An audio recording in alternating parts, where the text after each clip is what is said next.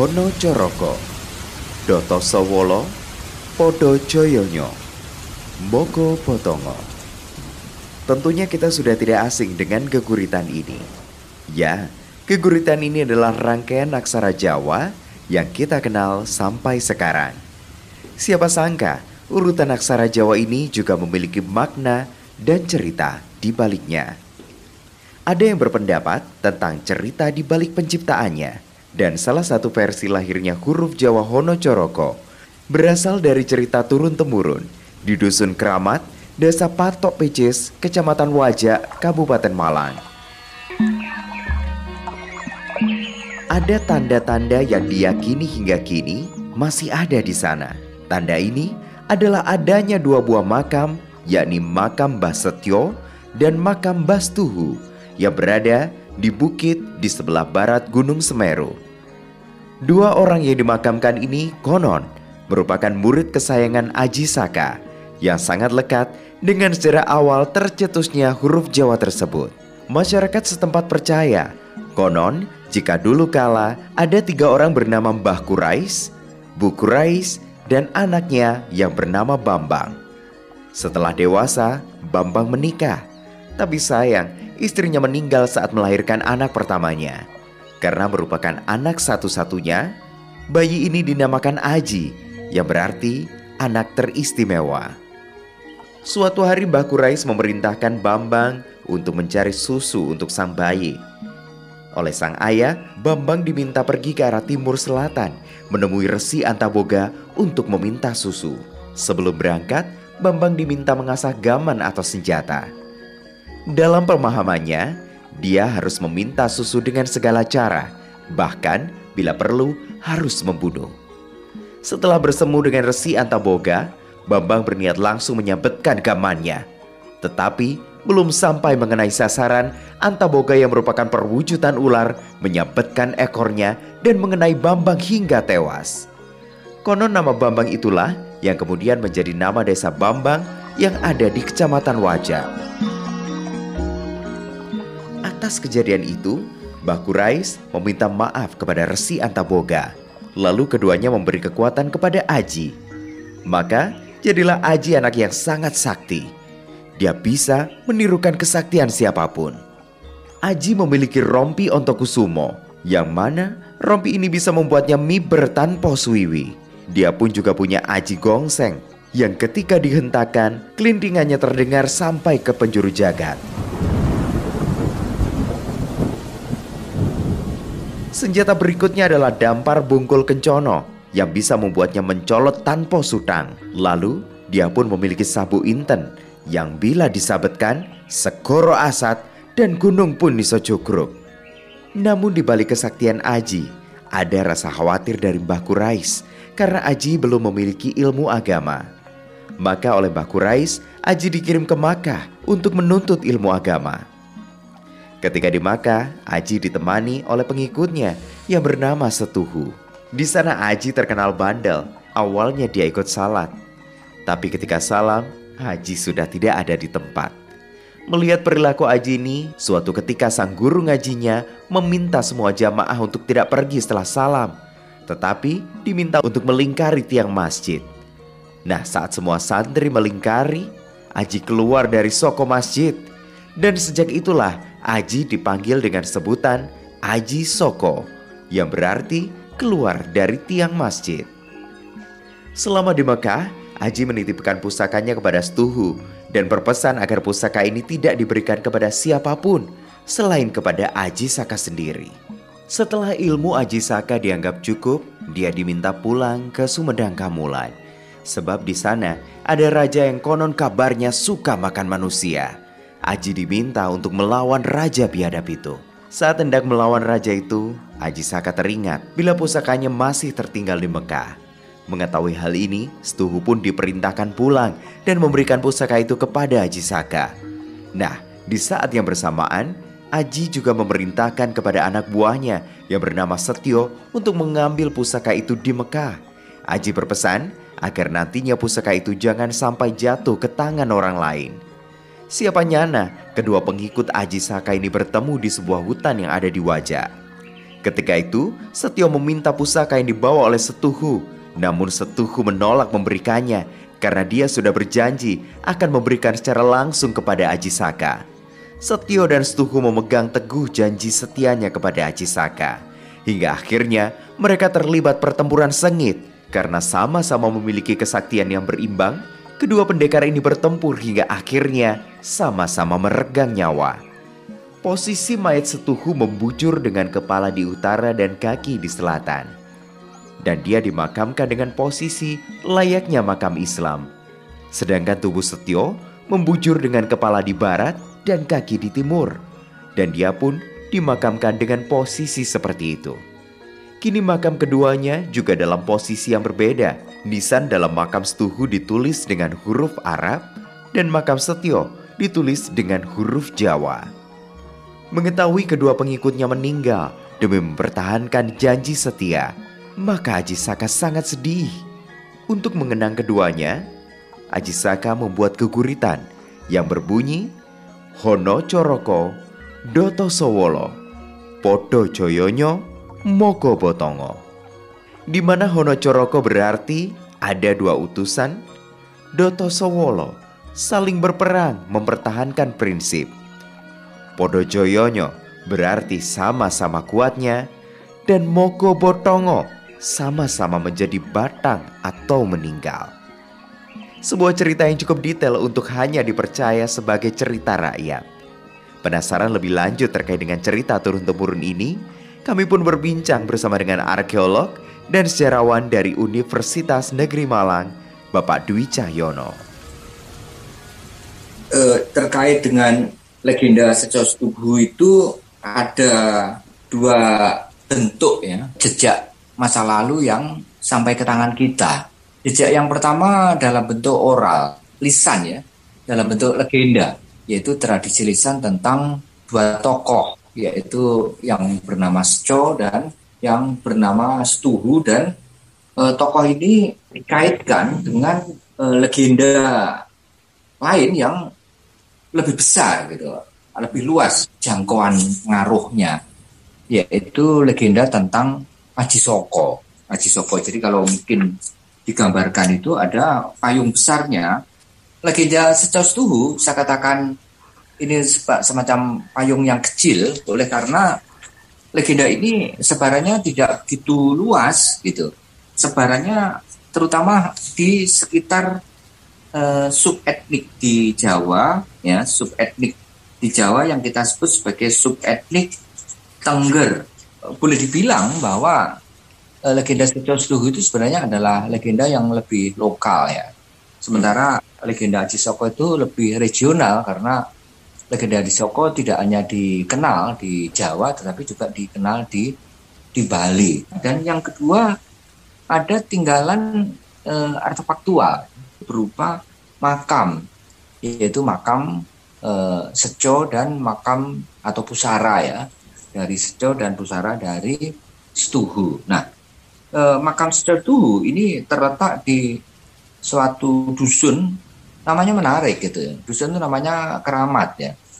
Keramat ini artinya kuburan ya. Tapi keramat itu bisa juga berarti e, suci ya keramat itu kan suci ya ini menjadi petunjuk pada kita sebenarnya makam ini adalah makam yang konon itu merupakan makam tua ya, tetapi dalam bentuknya sekarang kan kemudian sudah mengalami banyak renovasi ya sehingga eh, wujudnya itu seperti makam baru kalau kita lihat sekarang itu sudah terlihat seperti makam baru dijumpuki dan sebagainya, tetapi tentu semula ini merupakan makam yang tua apalagi di dusun yang bernama Keramat. Jadi ada kemungkinan dusun ini disebut Keramat oleh karena e, di desa di dusun ini ada makam tua gitu ya, makam tua. Sayang sekali kita tidak tahu bentuk asalnya seperti apa ya. Saya juga belum dapat foto dokumen mengenai e, makam itu sebelum dipugar apakah ini semacam tinggalan megalitik gitu ya. Hmm. E, jadi jejak lebih kemasannya itu seperti e, tinggal apa itu peninggalan peninggalan megalitik jadi balok-balok apa Eh, batu-batu kerakal yang disusun sedemikian rupa. Nisannya mungkin awalnya itu hanya uh, semacam batu tegak kayak menhir begitu dan seterusnya. Tapi sekarang sudah mengalami banyak perubahan ya. Analisis sejarah terkait dengan cerita Secos Tuhu memang sangatlah menarik. Apalagi penilaian yang bisa ditarik dari legenda ini tidak hanya berdasarkan dari cerita masyarakat dan juga artefak yang tertinggal di sana, tetapi juga terkait dengan perkembangan cerita yang syarat akan unsur-unsur keagamaan. Tak terhindarkan memang di dalam proses budaya khususnya di Jawa itu ada apa yang saya sebut tadi yaitu adanya local development, ada perkembangan lokal ya, ada kreasi lokal, ada kreasi-kreasi lokal, ada clear lokal, ada warna-warna lokal yang antara satu dengan yang lainnya berbeda, tetapi juga ada hal-hal yang sama ya, ada hal-hal yang sama. Nah saya kira itu mas, sehingga hmm. yang uh, yang mungkin bisa kita peroleh gambaran tentang legenda Setuhu itu sebenarnya ini bukan merupakan pure legenda yang uh, berlatar Hindu, tetapi ada juga legenda yang berlatar Islam sehingga uh, legenda uh, sejauh suhu di lingkungan masyarakat Tengger itu sebenarnya menggambarkan proses transisi ketika terjadi peralihan dari Hindu menuju ke Islam dari perkembangan Hindu menuju ke awal-awal perkembangan Islam. Nah, jadi yang saya tangkap kok malah begitu gitu ya.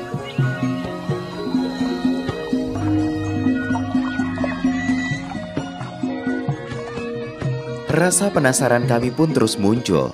Kira-kira di tahun berapakah sebenarnya legenda awal ini bermula? Dan Pak Dwi Cahyono pun memberikan analisisnya secara lebih dalam. Ya, saya memang menangkap di legenda itu ada apa yang disebut dengan uh, apa itu uh, mitis sintesis ya. Ini kan mitos. Hmm. Ya. Tapi mitos sintesa, sintesa dari dua uh, religi yaitu ini mitos sintesis ya, sintesis antara Hindu dan Islam. Dan ini juga tampak secara tekstual ya, uh, adanya uh, epitaf ya, adanya inskripsi, ada tulisan di di nisannya walaupun itu bisa saja itu nisan baru ya. Hmm. Satu menggunakan uh, huruf Jawa Honocoroko itu dan satu menggunakan huruf Arab. Jadi memang eh, di sini kita melihat gitu, jadi ada unsur-unsur eh, yang lebih mengarah kepada Islam, paling tidak di aksaranya, dan eh, unsur-unsur yang lebih mengarah pada Jawa itu eh, itu juga di aksaranya, termasuk juga di di pengkisahan. Kok saya duga begitu ya? Ini eh, tidak pure, merupakan eh, beda dengan legenda Aji Soko yang acap kali lebih dilekatkan kepada legenda Hindu ya, jadi pengaruh betul dari India dan seterusnya. Walaupun sebenarnya legenda Aji Soko sendiri ini adalah legenda purba yang dari masa Hindu Buddha yang baru berkembang pada masa Islam. Jadi kalau dalam legenda ada legenda Aji Soko itu kan huruf yang kemudian diajarkan itu kan Hono Coroko ya. Padahal Hono Coroko itu baru berkembang di masa Sultan Agung gitu ya. Mestinya kalau itu betul-betul merupakan pengaruh India, huruf yang diajarkan apa hurufnya itu bukan Honocoroko tapi Palawa gitu ya, ya yang ketika uh, ini uh, kedatangan awal dari orang-orang India yang mengenalkan aksara ke Nusantara ini terjadinya pada abad 4 dan 5 gitu ya.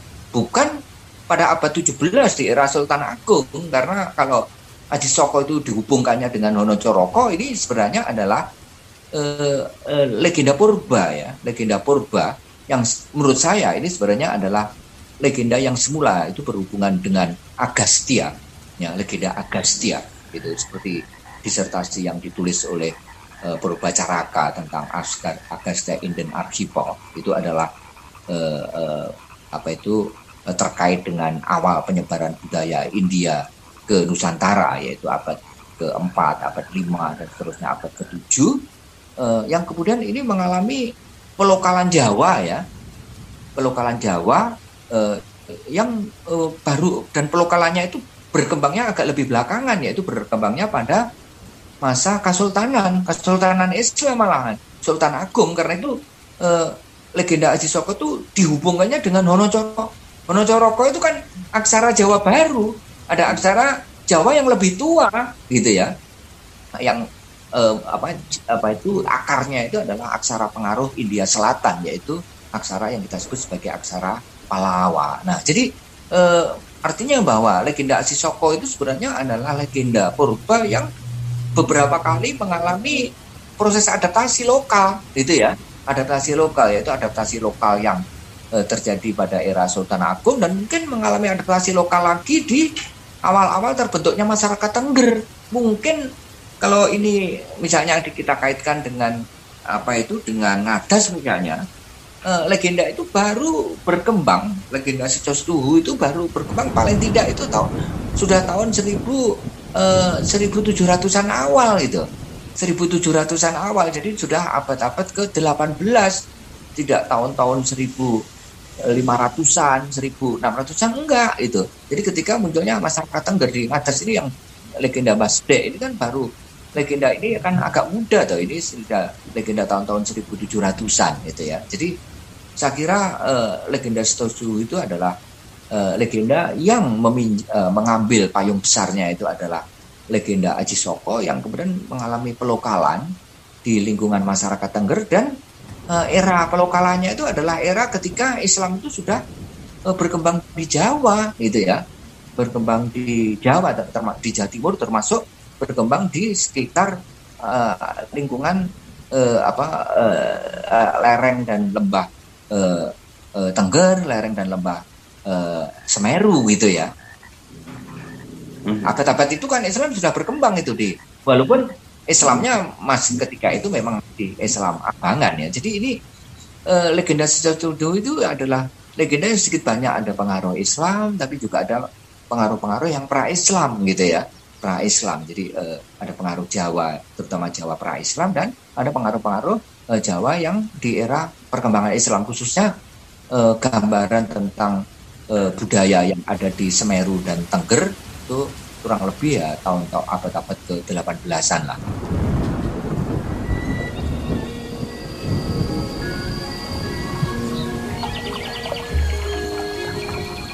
Dalam perkembangan penelitian kami, tidak hanya menemukan jejak sejarah dan juga jejak waktu, ternyata kami juga menemukan fakta-fakta lain terkait perkiraan persebaran masyarakat Tengger hingga sampai ke daerah Wajak.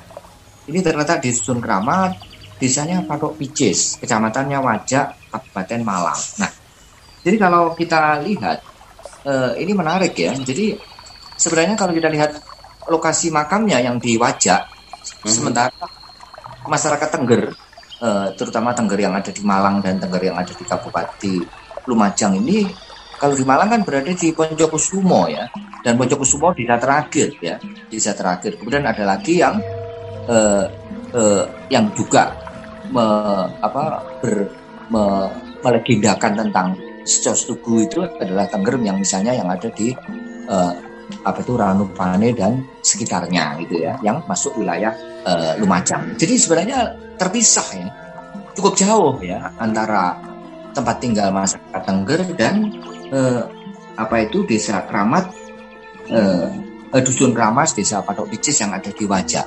Tapi yang menarik, uh, ada kemungkinan begini ya, ada kemungkinan uh, dengan adanya uh, makam Secau Suhu, Pusara Secau Suhu yang juga dikeramatkan, dianggap uh, legendanya itu legenda yang penting atau uh, malah semacam mite ya atau semacam mitos bagi masyarakat Tengger khususnya Tengger di Malang dan Lumajang uh, dan uh, tempat ini uh, apa secara periodik setiap tahun itu diziarahi hmm. oleh masyarakat Tengger khususnya yang ada di ngadas setiap upacara karo ada kemungkinan ada kemungkinan di masa lalu apa itu wajah khususnya di desa Patok Picis dan sekitarnya itu juga merupakan tempat tinggal masyarakat Tengger. Lantas, setelah kita menarik benang merah dari waktu, peninggalan sejarah, hingga temuan-temuan yang lainnya, apakah memang benar-benar ada hubungan antara legenda Seco Setuhu dengan aksara Jawa Hono Coroko? Ingin saya sampaikan terlepas ya, terlepas apakah seco dan setuhu itu betul-betul ada atau tidak ada gitu. Tapi sebagai sebuah tradisi yang ada itu tradisinya. Tradisinya kan ada. Dan tradisi ini dipegang pada masyarakat Tengger dan ini dianggap sebagai tidak hanya legenda tapi malah menjadi mite gitu yang dikaitkan dengan satu hari raya pada subendik Tengger yaitu Hari Raya Karo. Nah, tradisi ini yang lebih dipertahankan ya kalau ini legenda, kalau ini mite, maka kebenaran mitos, kebenaran mite itu uh, tidak merupakan satu-satunya parameter untuk meniadakan atau tiada men, mentidak tiadakan mite. Selama legenda itu masih ada pemangkunya, itu uh, selama masih mampu melintas masa, yaitu yang kita lestarikan gitu ya, kita lestarikan. Jadi saya tidak berbicara tentang uh, apakah makam ini betul-betul makam atau hanya ini makam semu gitu ya? Apakah sesuatu itu benar-benar pernah hidup di lingkungan masyarakat Tengger baik itu di lereng apa itu di lingkungan e, Gunung Tengger atau di lingkungan Semeru atau tidak itu e, tidak e, bukan kapasitas saya untuk menghakimi tetapi bahwa e, ini adalah legenda yang sudah bersi, e, bersifat generatif turun temurun ini adalah legenda yang uh, dipegang teguh oleh penganut uh, apa itu uh, budaya atau tradisi tertentu khususnya tradisi budaya Tengger itu yang uh, merupakan uh, heritage itu merupakan uh, pusaka budaya dalam bentuk oral tradition dan ritualnya.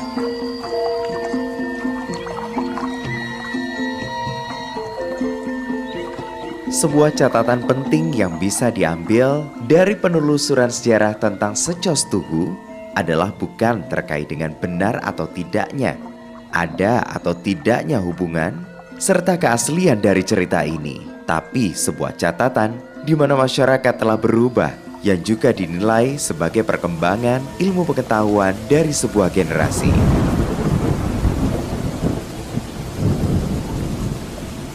Begini ya. Jadi eh, baik legenda Aji Soko yang merupakan payung besarnya ataupun legenda Stuhu yang saya sebut sebagai Little Umbrella-nya ya. Sama-sama uh, mengusung pesan yang berhubungan dengan aksara, literal. Jadi ini penting ya. Jadi literalisasi dan kunci peradaban itu adalah apabila masyarakat ini sudah meningkat dari yang semula merupakan bertradisi oral, bertradisi lisan menjadi bertradisi literal. Mengapa?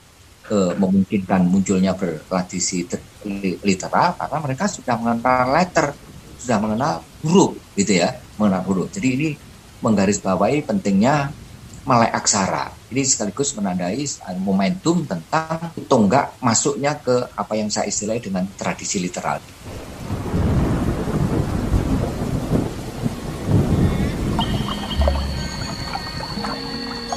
Sebuah peninggalan sejarah memang bisa jadi menjadi tempat yang usang. Cerita-ceritanya pun juga mungkin sebagian akan dilupakan. Tetapi dengan terus mengingat dan terus mempelajari sejarah, kita akan tetap memegang teguh nilai-nilai positif yang telah dipelajari dan dititipkan oleh leluhur kita untuk kita teruskan dan kita lestarikan.